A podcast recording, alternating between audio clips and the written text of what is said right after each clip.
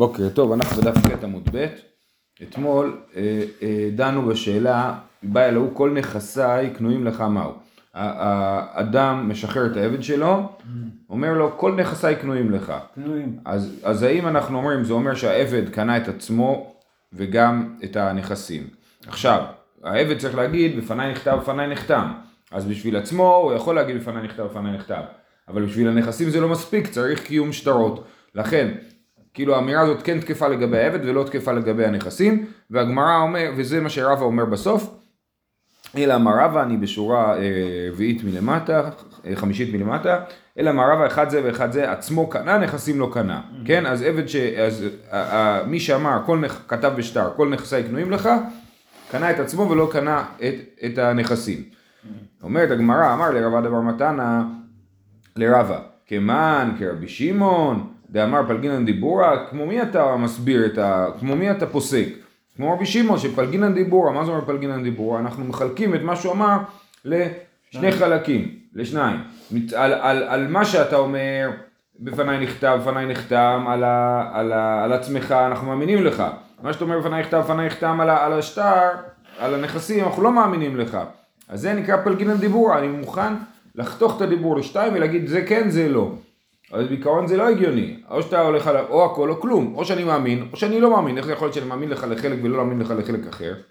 כאילו, אני אומר לפניי נכתב, לפניי נחתם, ואני מאמין לך, אז פתאום כשזה מגיע לשאלת הנכסים, אני לא מאמין לך, איך זה יכול להיות? אז הוא אומר לו, אתה פוסק כמו רבי שמעון, דאמר פלגינן דיבור, לתנן, הכותב כל נכסיו לעבדו יצא בן חורין, שיער קרקע כלשהו לא יצא בן חורים, רבי שמעון אומר לעולם הוא בן חורים עד שיאמר כל נכסיי נתונים לפלוני עבדי חוץ מאחד מריבו שבהם. אז תנא קמא אומר מי שכתב כל נכסיו לעבדו הוא בן חורין. אבל אם הוא אמר אני משער קרקע כלשהו, זאת אומרת כל הנכסים שלי הם שלך, הוא אומר לעבד שלו, ובכך כאילו העבד משתחרר, הוא אומר לו כל הנכסים שלי שלך, אבל חתיכת קרקע אחת היא לא שלך. נגיד הוא אומר לו דונם אחד הוא לא שלך, הוא לא אומר איזה דונם. אם הוא היה אומר איזה דונם אז בסדר. אז הדונם הזה באמת אה, זה, אבל כשהוא אומר קרקע אחת לא שלך, אז בעצם אנחנו אומרים, אה, אה, אה, בואו נסתכל, רש"י אומר בעמוד הקודם, בחטא עמוד ב', הוא אומר, דבישלמה רישא דלא גלי דעתי דנחת לשיעורה, לא אמרינן דשיער, אבל אחא דנחת לשיעורה, אמרינן לדידי נמי שיער. וכי אמר כל נכסי לך, לך השאר נכסים כאמר, ולחנופי לי קאתי ולא שחררי כיוון דלא אמר לי עצמך ונכסיי. זאת אומרת, אם הוא לא שיער כלום, אז הוא באמת לא שיער, הוא נתן לעבד הכל. אבל אם הוא שיער קרקע אחת כלשהי, אז אנחנו אומרים בעצם הוא סתם התחנף לעבד, הוא לא שחרר אותו, כן? כי שאנו אומרים, לא רק את הקרקע הוא שיער, גם את העבד הוא השאיר. זה בעצם הטענה. ברגע שהוא שיער משהו, הוא שיער גם את העבד. כי העבד אה, אומר לו, אני יוצא לשביתה. אני לא יודע. אה, אה, הוא צריך, הוא... לא, מערכת היחסים ביניהם, אין, אין לנו מה להיכנס לזה. בכל אופן, זה הדין, כן? הדין הוא שאם הוא שיער קרקע כלשהו, בעצם שיער גם את העבד, אז בעצם העבד נשאר עבד, ממילא העבד לא קיבל כלום, ו, וזהו. רבי שמעון חולק על זה ואומר, לעולם הוא בן חורים, עד שיאמר כל נכסיי, אם הוא אומר, כל נכסיי נותנים לפלוני עבדי, חוץ מאחד מריבו שבהם, חוץ מאחד מעשרת אלפים, אז העבד הוא עבד. כי הוא אומר, הכל, הכל שלך, חוץ ממשהו אחד קטן. זה משהו שונה, הוא לא פירט מה. נכון, נכון, אתה צודק. פעם ראשון... אתה צודק לגמרי. אז רבי שמעון הוא הגיוני, make sense, נכון? אבל, אומר רש"י, שבעצם אם הוא אמר את מה שהוא אמר מקודם, לפי רבי שמעון, אז איזה קרקע הוא שיער? הוא אמר חוץ מדונם אחד, אבל הוא לא אמר איזה דונם, כן? אז כל דונם שהעבד ירצה עכשיו לקחת, אז יגידו לו, סליחה, זה הדונם שהוא שיער. ולכן, העבד בעצם לא יקבל שום קרקע, הוא, הוא ישתחרר, לפי רבי שוב, לפי תנא קמא הוא לא משתחרר. כי ביחד עם השיעור של הקרקע, בעצם האדון התכוון להגיד, אני משאיר גם אותך אצלי. אה, לפי רבי שמעון, העבד משתחרר, אבל הקרקע, שום קרקע לא שייכת לעבד, כי כל דונם, אולי זה הדונם שהאדון השאיר. עכשיו, אם הוא פירש, אז מה? אם הוא פירש איזה קרקע, אז לכאורה העבד גם משתחרר גם לפי תנא קמא. וגם מקבל את ה... ומקבל את כל הקרקעות, חוץ מהקרקע הספציפית, כן. עכשיו, איך יוצא, עכשיו, סימן, אז אנחנו רוצים להוכיח שרבי שמעון טוען פלגינן דיבורה. אז אני, ברש"י, בסוף הדיבור מתחיל עד שיאמר, הוא אומר, אה, עלמא פלגינן דיבור, דהכל נכסי כאמר לי, ולא קנה את, עצ... את עצמו. כי מה קרה בסוף? את הקרקעות הוא לא קיבל, ואת עצמו הוא כן קיבל. אז, אז, אה, אז פלגינן דיבור, אה, שהבן אדם יקנה לעבד את כל נכסיו, חוץ מקרקע כלשהי, ואת את עצמו, ובסופו של דבר הוא מקבל רק את עצמו. אז זה סוג, אותו דבר של סוג של פלגינן דיבורה. זה, אז רבי שמעון אומר פלגינן דיבורה, ו, ובעצם רבא שאמר שהעבד קנה את עצמו ולא את הנכסים, כשהוא יכול להגיד בפניי נכתב בפניי נכתב, גם כן אומר פלגינן דיבורה. זה לא יותר הגיוני להגיד אם הוא לא פירט איזה דונם, זה לא אכפת לו. הוא עושה איזה, אם הוא היה, אם היה חשוב לו דונם מסוים, הוא היה אומר. ככה, אם הוא לא פירט, אז בסדר, אתה חופשי, אתה מקבל כן, אבל- תשאיר לי דונם אחד. סבבה, אבל הוא כבר לא מעניין. הוא נגיד מת, היורשים שלו מתווכחים. בסדר, כתוב, להם אכפת. הוא לא פירט. לא כן. השאלה היא, אתה, אתה טוען שאתה הולך לקראת הקונה, המקבל, ואתה יכול גם ללכת לקראת המוכר, ולהגיד, הוא לא פירט, אז, אז, אה, אז אני הולך לטובתו, כאילו, כל דונם, אני אגיד אולי זה זה. אתה אומר, כל דונם, אני אגיד, דונם מסוים חשוב לו, הוא היה מפרט, הגיוני. אם דונם מסוים היה חשוב לו, הוא היה מפרט על אותו דונם. זאת, בלי אני בלי אומר, זאת סברה אחת. לטובת מי או לטובת מי, זה אופטימי, זה לא לטובת אחד או שני. כן, כן, כי את הסברה שלך להגיד את, זה, אם היה חשוב לו היה מפרט, וה- והסברה ההפוכה היא להגיד, להפך, זה שהוא לא פירט, נותן לו את הזכות להגיד על כל דונם ודונם, זה זה. אז תפרט אתה, היורשים. בסדר, תפרט אתה. אני לא יודע, הוא יקנה, לא יודע. הוא לא פה, אתה פה. בסדר, אבל, אבל זה הנקודה, לכן אני אומר, יש לי זכות על הכל, אני לא רוצה לפרט גם. כי, אם אני אפרט אני לא אקבל הכל. בכל אופן, אז זה פחות קריטי לענייננו. לענייננו העניין הוא שרבי שמעון אומר פלגינן דיבורה ותנא קמא לא אומר פלגינן דיבורה ו, אה, אה, ואנחנו אומרים שהפלגינן דיבורה, שרבא פוסק כמו רבי שמעון, נכון? זה מה שאנחנו אמרנו. אומרת הגמרא, איך אתה אומר את זה? איך רבא פוסק כרבי שמעון שפלגינן דיבורה, ואמר רבי יוסף בר מניומי, אמר רב נחמן, אף על פי שקילס רבי יוסי את רבי שמעון, הלכה כרבי מאיר. אף על פי, פי שרבי יוסי פרגן לרבי שמעון ואמר לו כל הכבוד, דיברת מאוד יפה, עדיין ההלכה כרבי מאיר, דתניא, כשנאמרו דברים לפני רבי יוסי, קרא עליו המקרא הזה, שפתיים יישק, משיב דברים נכוחים, כן? אז רבי יוסי באמת מאוד אהב את מה שרבי שמעון אמר, אבל אנחנו פוסקים כמו רבי מאיר. רבי מאיר זה תנא קמא, כן? סתם משנה רבי מאירי, אז אנחנו פוסקים כמו אה, רבי מאיר, שלא אומרים פלגינן דיבורה. אז איך רבא פסק פלגינן דיבורה, כשרב נחמן אמר שלא לא אומרים אה, פלגינן דיבורה. עכשיו רב נחמן הוא, הוא קצת הרב של רב- רבא, במידה מסוימת הוא הרב של רבא, אבל, אה, אה, אבל זה כאילו יותר נשמע כמו מסורת, כן? אף על פי שגילס רבי יוסי רבי שמעון הלכה כרבי מאיר, נשמע כמו מסורת כזאת, שאיך רבא הולך נגד זה. אומרת הגמרא, איך יכול להיות? אתה אומר שלפי רב נחמן לא מפלגין דיבורה? ומי אמר רב נחמן אחי ואמר רב יוסף בר מניומי אמר רב נחמן שכיב מרע שכתב כל נכסיו לעבדו ועמד ועמד מתנת שכיב מרע ששכיב מרע אה, נותן מתנות זה על דעת שהוא הולך למות אז הוא מחלק דברים ואם הוא לא מת בסוף השכיב מרע הזה הוא גוסס וברוך השם הצליח אה, אה, לחזור, לחזור לעצמו אז המתנה שלו בטלה זה הדין בשכיב מרע אז שכיב מרע שכתב כל נכסיו לעבדו אז למי הוא כתב את זה? לעבד שלו ועמד חוזר בנכסים ואינו חוזר בעבד. הנכסים בטלים, המתנה שלהם בטלה, אבל העבד הוא חופשי. אה, זה בדיוק פלגינן דיבורה. אני אומר את העבד אתה שחררת ואת הנכסים לא שחררת.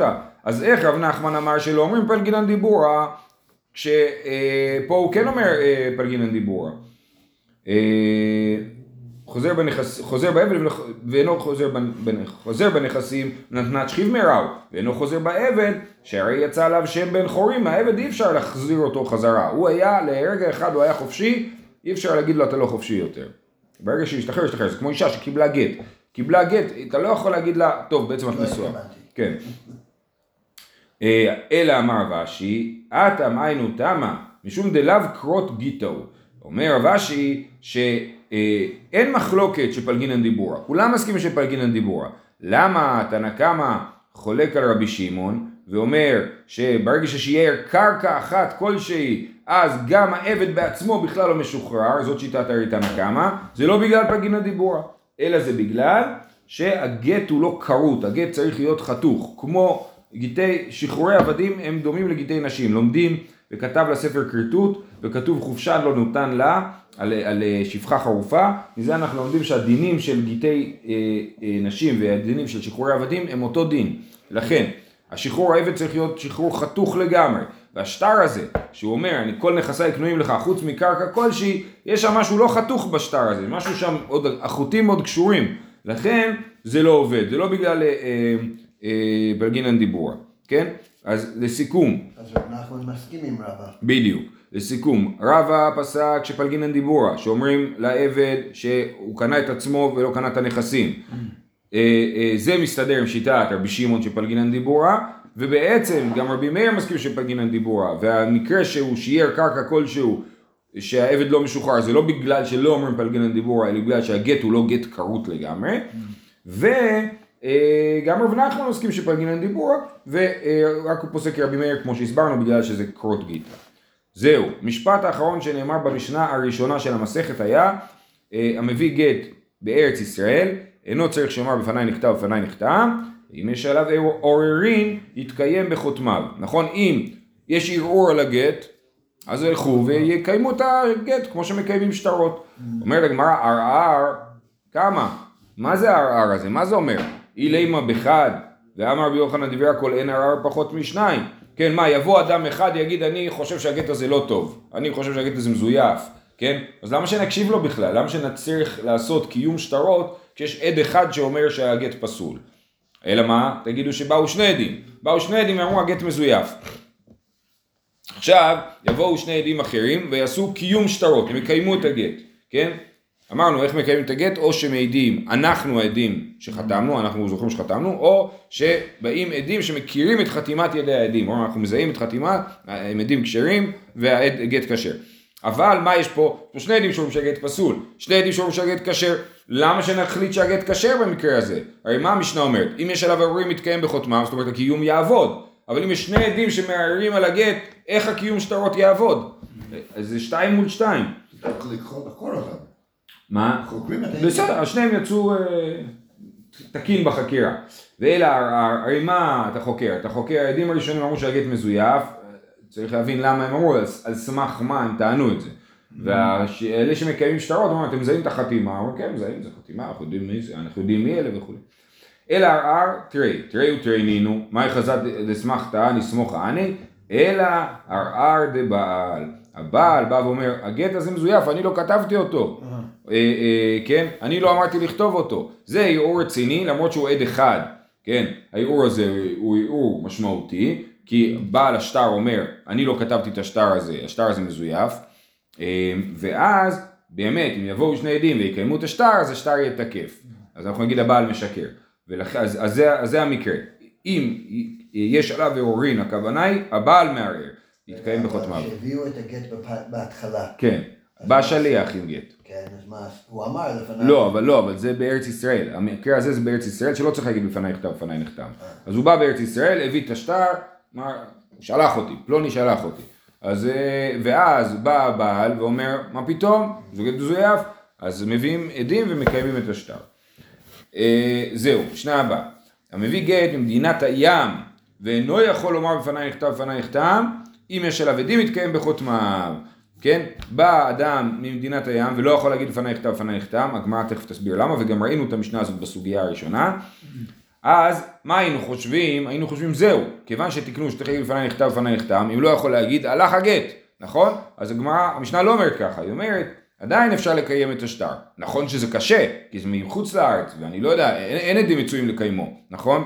אבל אם אתה מצליח להשיג עדים, אז השטר כן uh, תקף. זה יתקיים בחותמיו שבאו עדים. שבאו עדים, שיבואו, מחפשים עדים. הוא יכול להתקיים בחותמיו, זה הנקודה. אני לא אומר, אם אין בפניי נכתב בפניי נחתם, הגט פסול, והקשינו על רבא, רבא אמר, לא בקיאים לשמה בחוץ לארץ, אז איך יעזור הקיום? והתשובה שרבא אמר זה לאחר שלמדו, כן? לאחר שלמדו, אז, אז אה, יתקיים בחותמיו. אחד גיטי נשים ואחד שחרורי עבדים, שבו למוליך ולמביא, וזו אחת מן הדרכים ששבו גיטי נשים לשחרורי עבדים, כן? אז כמו שאמרתי מקודם, גיטי נשים ושחרורי עבדים יש להם הרבה דינים דומים, גם הדין הזה, שעבד שמביא או לא עבד, כל אחד שמביא שטר שכתוב עליו שחרור עבדים מחוץ לארץ ממדינת הים, צריך להגיד לפניי נכתב, לפניי נחתם. וגם, אה, אה, וזו אחת מן הדרכים ששבו גיטי נשים משוחררי עבדים, ואנחנו נלמד עוד דרכים. מה אינו יכול לומר, חוזרים לתחילת המשנה, מה זה אינו יכול לומר לפניי נכתב, לפניי נחתם? אילמה חירש. חירש לא יכול לומר לפניי נכתב, לפניי נחתם. למה? כי אין לו תוקף להגיד את זה, יכול להיות שהוא יודע לדבר, אין לו תוקף להגיד את זה. לא שמע. נכון? אה, אז הוא אומר, חירש ברטוי הגיתה הוא ואתנן, הכל כשרים להביא את הגט, חוץ מחירש שוטה וקטן, וחירש בכלל לא כשר להביא את הגט, אז איך אתה אומר, ש, ש, אז, אז זה לא בעיה טכנית קטנה שהוא לא יכול להגיד לפניי נכתב לפניי נחתם, הוא לא יכול להיות שליח לגט, לא רק במדינת הים, בשום מקום הוא לא יכול להיות שליח לגט.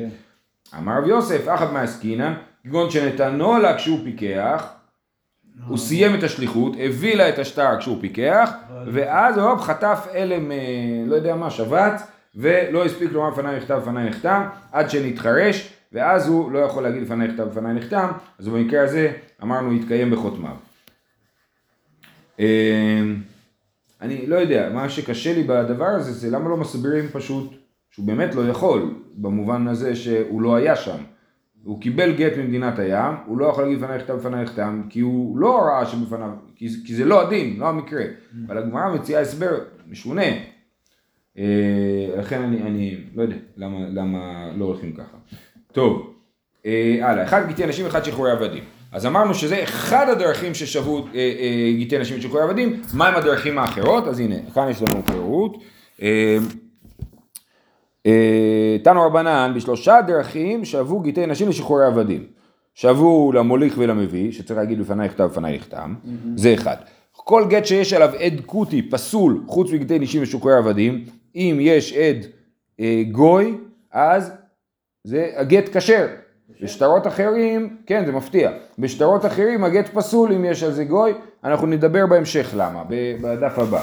שגט, אז, אבל שתי הדברים האלה, גט נשים ושחרורי עבדים, אה, אם יש חתימה של גוי זה לא פוסל את השטר. וכל השטרות העולים בערכאות של גויים, אף על פי שחתמיהם גויים כשרים, חוץ מגטי אנשים ושחרורי עבדים. אם יש לנו שטר שהוא שטר תקין ביחס למדינה שאנחנו נמצאים בה, למרות שהוא לא שטר תקין מבחינה הלכתית. זה שטר של בית דין של גויים, עם חתימות של הגויים וכולי. אם זה שטר מכר, שטר קניין, דברים כאלה, שטר מתנה, זה תקף. כי? כן, כן, רש"י פה אומר דינא דמלכותא דינא, כן, אם הבית דין של המלכות החליט שהשטר תקף, אז השטר תקף. אבל בגלל אנשים משוחררי עבדים, בוודאי שזה לא עובד, בגלל שהם גוי, הם גויים, הם לא, הם לא שייכים ל- לעניין הזה. וכדברי רבי מאיר ארבעה, רבי מאיר אומר שיש ארבעה דברים שגיטי נשים משוחררי עבדים שווים, האומר תן גט זה לאשתי ושטר שחרור זה לעבדי, רצה לחזור בשניהם יחזור, דברי רבי מאיר. אז רבי מאיר מוסיף עוד אחד, ששני הדברים האלה, אחרי שהוא שלח את השליח, הוא יכול להתחרט, לפני שזה הגיע... לפני שזה הגיע אל, ה, אל, ה, כן, אל האישה או אל העבד. וחכמים אומרים לא. באישה אפשר להתחרט, אנחנו נדבר על זה עוד באריכות בהמשך המסכת. אדם ששלח שליח עם גט לאשתו, ואז אמר בעצם לא בא לי לגרש אותה, אז הגט בטל. אה, אבל בעבדים לא. כי בעבדים, לאישה זה לא זכות הגט. כאילו יש בזה, אולי היא רוצה לצאת מצד אחד, מצד שני גם זה אה, פוגע בה כלכלית, עכשיו לא דואגים לה. הוא יכול גט לבד לפני שהיא קיבל אותו. ודאי, ודאי, ודאי, ודאי. ברגע שהיא קיבלה היא מגורשת, אבל לפני שהיא קיבלה הוא יכול לבטל את הגט. בעבדים זה זכות הוא לא, ולכן מהרגע שאדם נתן, זה רק זכות, כן? ולכן מהרגע שאדם נתן את השחרור עבדים לשליח, הוא לא יכול לחזור בו לפי רבנן, לפי רבי מאיר, הוא יכול לחזור בו, ולכן רבי מאיר אומר שיש עוד דבר שבו גיטי אנשים משוחררי עבדים הם מיוחדים משאר הגיטים, משאר השטרות. אה, בישלמה רבנן מניינה למיעוטי עד רבי מאיר. למה יש לנו מניין? למה כתוב בשלושה דרכים? בשביל להגיד רק בשלושת הדרכים האלה ולא עוד. מה לא עוד? איזה עוד דבר הייתי יכול לחשוב? מה שרבי מאיר אמר. שגיטי אנשים משוחררי עבדים שבו בדבר הזה והם חולקים עליו. אז, זה, אז השלושה דרכים בא למעט את מה שרבי מאיר אמר. אלא לרבי מאיר דמי- למיעוטי מאי. לפי רבי מאיר כתוב, וכתוב בו כדברי רבי מאיר ארבעה. יכלו להגיד רק ורבי מאיר אומר גם עוד דבר. למה לפי רבי מאיר אמרו לנו את המניין? גם כן, תמיד אנחנו מניחים שמניין בא למעט, מניין בא להגיד ארבע אלה ולא אחרים. אז מה זה בא למעט לפי רבי מאיר? למיעוטי עד דתניא. עדים שאין יודעים לחתום, מקרעין להם נייר חלק, ממלאים את הקרעים דיו.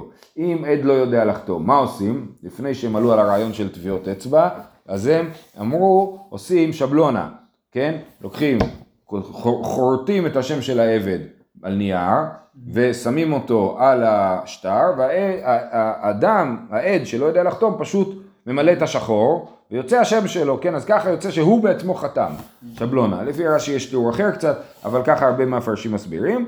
אז זה דרך להחתים עדים שלא יודעים לחתום. עדים שאין יודעים לחתום, מקרעים להם נייר חלק, וממלאים את הקרעים דיו. אמר רבן שמעון גמליאל, במה דברים אמורים? בגיטי נשים, אבל לשחרורי עבדים ושאר כל השטרות, אבל שחרורי עבדים ושאר כל השטרות, אם יודעים לקרות ולחתום חותמים, ואם לאו, אין חותמים. אז מה אנחנו רואים? שגיטי נשים זה דבר ייחודי, רק בגט אפשר לעשות את זה. למה? כי אנחנו דואגים לנשים. אם הבעל רוצה לגרש אותם, שיגרש אותם. ולכן, אם יש פה רק עד אחד אנאלפבית שלא יודע לקרוא ולכתוב, אז עושים את זה ככה. אבל אה, אם, אה, אם, אה, אבל בשאר הדברים לא כזה לחוץ לנו שהעד יחתום, אז תלך תמצא עד שיכול לחתום ו, והוא, יח, והוא יחתום. לכן זה דווקא בגיטי נשים. בקיצור, אז זה בא למעט את הדבר הזה. למה כתוב ארבעה דברים שבארבעה דרכים שבו גיטי נשים לשחרורי עבדים, חוץ מהדבר הזה שאי אפשר לעשות שבלונה לשחרורי עבדים, אלא רק לגיטי נשים. אוקיי? היה לרבי מאיר גרסה אחרת במשנה או זה ברייתא? זה ברייתא. אנחנו, יש מש... כאילו במקום במשנה שכתוב... כתוב במשנה, זה אחת מן הדרכים ששבו גיטי נשים לשחרורי עבדים. בברייתא כתוב שבשלושה דרכים שבו גיטי נשים לשחרורי עבדים. ורבי מאיר ארבעה. רבי מאיר הוא בעצמו, כאילו הברייתא בעצמה אומרת שלרבי מאיר יש ארבעה דרכים. אה, בכל אופן, על הדבר הזה, על הברייתא הזאת, על לגבי השבלונה, יש פה שאלה, כתוב שחרורי עבדים בשאר כל שטרות, אם יודעים לקרות ולחתום חותמים, ואם לאו אין חותמים. אומרת הגמרא, קריה מאן דחר שמי, מי דיבר על, על לקרות? דיברנו על עדים שלא יודעים לחתום, כן? אם יודעים, לא יודעים לקרוא אבל הם יודעים לחתום, יש בגשש, נכון? שאומר, לא, לימדו אותי, אה, אני יודע כתוב וכתוב, לא יודע קרוא וכתוב, יודע כתוב וכתוב. אז זה, אה, כן? אז אם הם יודעים לקרוא, אבל אה, יודעים לחתום, אבל... יודעים לקרוא אבל לא יודעים לחתום, לא הפוך סליחה, יותר הגיוני, נכון? הם יודעים לחתום אבל לא יודעים לקרוא, על זה אף אחד לא אמר שיש בעיה, כן? אז מאיפה פתאום הקפצת את הבעיה של הקריאה? אומרת הגמרא, חסור וחסר ואחי קטני, עדים שאין יודעים לקרוא, קוראים לפניהם וחותמים. מי שלא יודע לקרוא, מקריאים וחותם. ושאין יודעים לחתום, מקרין להם, עושים להם שבלונה, ושוב, וזה רק בגיטי נשים, ובשאר השטרות אנחנו לא עושים את הדבר הזה. אומרת הגמרא בתוליקה, אין עוד שטרות שבהם אנחנו, אה, אה, אה, אין עוד, סליחה, דברים ששבו גיטי נשים שחרורי עבדים, והאיכא אומר תנו גט זה לאשתי ושטר שחרור זה לעבדי ומת לא ייתנו לאחר מיתה. תנו מנה לפלוני ומת ייתנו לאחר מיתה. כן? אם אומרים תנו גט זה לאשתי ואז הוא מת לפני שהספיקו לתת את הגט אז האישה לא מגורשת אלא אלמנה. עבד שאומר תנו שטר שחרור זה לעבדי ומת העבד לא משוחרר הוא נשאר ליורשים אם הוא מת לפני שנתנו לו את השטר. אבל אם אדם אמר תנו מענה לפלוני ומת ייתנו לאחר מיתה, זה גם קשור למתנת שכיב מרע שדיברנו מקודם. אז הנה עוד דבר, שגיטי נשים שחורי עבדים דומים אחד לשני ולא דומים לדברים אחרים. אז למה לא ספרו גם את זה? אומרת הגמרא, אה, כי קטני מילתא דלייטי בשטרות. מילתא דאיתי בשטרות לא קטני. רצו להגיד רק דברים שיש רק בגיטים ועבדים ואין בשום דבר אחר, אין בשטרות, אבל פה יש את זה בשטרות אחרים. למה? דשלח רבי משמי דרבי אבאו, הבו יודעים, ששלח רבי אלעזר או אליעזר לגולה משום רבנו, שכיב מרע שאמר כתבו ותנו מנה לפלוני ומת אין כותבים ונותנים שמא לא גמר להקנותו אלא בשטר ואין שטר לאחר מיתה זאת אומרת אם הוא אמר תנו מנה לפלוני ומת נותנים לה מנה לפלוני אבל אם הוא אמר כי תכתבו שטר מתנה לפלוני שבו אני מקנה לו משהו מסוים ואז הוא מת לפני שכתבו את השטר, לא נותנים. למה? כי אולי מה שהוא רצה זה שיכתבו את השטר, ואז הוא ייתן לו את השטר. הוא לא התכוון להקנות עד שהוא לא נותן לו את השטר. ולכן אין פה, אה, לא עושים את זה. ואז בעצם גם שטרות של מתנה הם דומים לגיטין שלא נותנים לאחר מיתה. ולכן אין פה משהו מיוחד לגיטין ועבדים, כי זה נכון בכל השטרות. זה כנראה רבי אלעזר, כי רבי שטיינזרץ כן. כותב, רבי אלעזר בשמו של רבנו שזה רבי יוחנן. אה, רבי אלעזר האמורה. הביאו יודעים ששלח רבי אלעזר לגולה משום רבנו רבי יוחנן. זהו, אני מאוד התלבטתי מה זה. אוקיי, יפה מאוד. אה, אלא, יפה. והאיכה לשמה, הא מה אם לשמה? כתוב וכתב לה לשמה. גיטי נשים ושחרור עבדים צריכים להיות לשמה, ושאר השטרות לא. אני יכול לקחת שטר מהסופר, שטר אה, אה, סתם משומש, להשתמש בו שוב פעם אה, בשטרות אה, אה, אחרים. רק בגיטי נשים ושחרור עבדים אני צריך שזה יהיה כתוב לה לשמה. אה, בישלמה לרבה, היינו מוליך ומביא. רבא שאומר שהסיבה שצריך להגיד בפניי נכתב, בפניי נכתב, היא בגלל שלא בקיאים לשמה, אז הוא אומר הנה זה מה שכתוב פה, כתוב פה, שגיטי נשים ושחרור עבדים צריך להגיד בפניי נכתב, בפניי נחתם, למה? כי צריך לשמה, נכון? אז לשיטת הרבה אה, אה, זה כבר נמצא בברייתא, הדבר הזה של הלשמה, אבל לשיטת רבא שאומר, אלא לרבא שאומר שהסיפור שאין עדים מצויים לקיימו, לא הזכרת את העניין של לשמה שהוא מיוחד לגיטי נשים ושחרור עבדים. ותו, עוד שאלה, בין לרבה בין לרבה, האי כמחובר. כל השטרות, אם אני כותב אותם במחובר על עץ נגיד, ואז אני חותך את העץ ומביא למישהו, השטר תקף. גיטי נשים ושחרור עבדים, אני כותב מחובר על העץ, ואז תולש את זה מהעץ, אי אפשר, זה לא, זה לא יעבוד. חייב להיות תלוש לפני הכתיבה. אז הנה עוד דבר שהם דומים, אז יש פה בלגן, כן? אומרת הגמרא, כי קטני פסולא דרבנן דאורייתא לא קטני.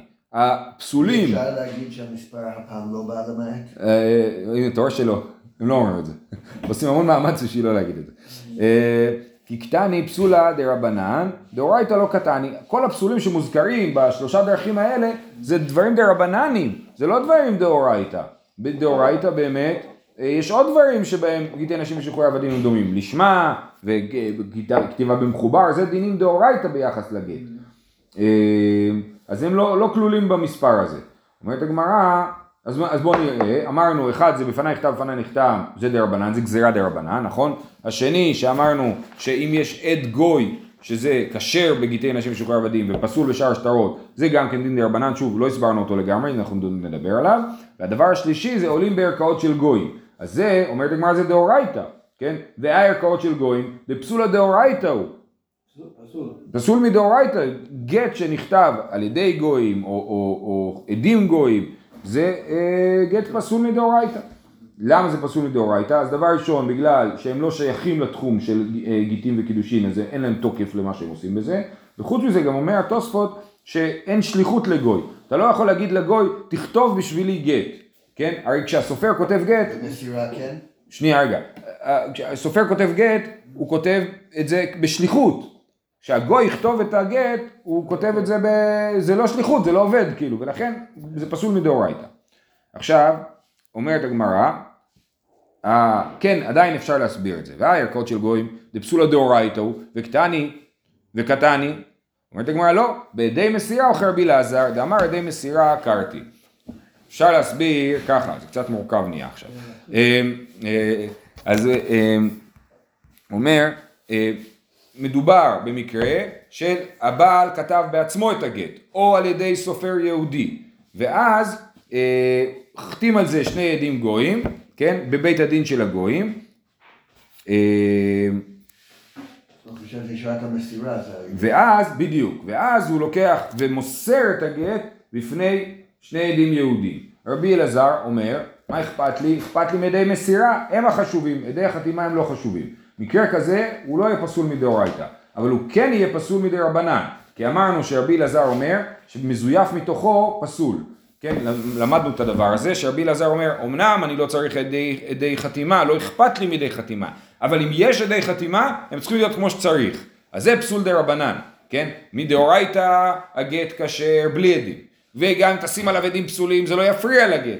מדרבנן אנחנו צריכים שיהיו עדי אה, חתימה אה, אה, כשרים. ולכן זה גם כן פסול דרבנן, הברייתא הזאת היא פסול דרבנן. אה, רבי אלעזר עדי מסירה כרתי. והא מדקתני סיפא, רבי שמעון אומר אף אלו כשרים, ואמר, אה, עכשיו, הסיפא של הברייתא, של אה, אה, הברייתא שדיברנו על שלושה דרכים, אה, כן, שלושה דרכים שבו גיטי נשים ושיכורי עבדים, בסוף כתוב שם, רבי שמעון אמר, אף אלו כשרים, לגבי השטר שנעשה בערכאות של גויים. אמר רבי זעירא, איך יכול להיות שרבי שמעון התיר שטר שנעשה על ידי גויים? דאמר, ירד רבי שמעון לשיטתו של רבי אלעזר, דאמר ידי מסירה קרתי, אז רבי זעירא הסביר שרבי שמעון שאמר שהעדים, השטר כשר, הגט כשר, בגט שנעשה על ידי גויים, הוא, הוא, הוא התכוון למקרה הזה שבדיוק שתיארנו, שהוא מסר את זה בידי מסירה כשרים. מכלל דתנא קמא סבר לא, לא, כן, זאת אומרת, אה, אה, אה, אתה רוצה להגיד לי שתנא קמא חושב כמו רבי אלעזר שידי מסירה קרתי, הרי רבי שמעון הוא זה שחושב כמו רבי אלעזר שידי מסירה קרתי. רבי אלעזר, רבי, רבי, תנא קמא לא חושב כמו רבי אלעזר. אז איך אתה מעמיד לי תנא קמא כרבי אלעזר? אז שוב, אני אחזור על המהלך. אמרנו שהפסולים בברייתא הם פסולים דרבנן. אמרנו רגע מה עם שטר של גויים, בבית דין של גויים זה לא פסול דרבנן. והתשובה הייתה, זה כן פסול דרבנן, כי זה למאן דאמר עדי מסירה כרתי, רבי אלעזר, ומדובר שיש עדי מסירה יהודים כשרים, והפסול הוא פסול דרבנן שחתומים גויים על השטר. אמרו, רגע, אבל אתה רוצה להגיד שתנא קמא חושב כרבי אלעזר, אבל בהמשך כתוב את רבי שמעון, רבי שמעון הוא זה שחושב כרבי אלעזר, ותנא קמא לכאורה לא חושב כרבי אלעזר.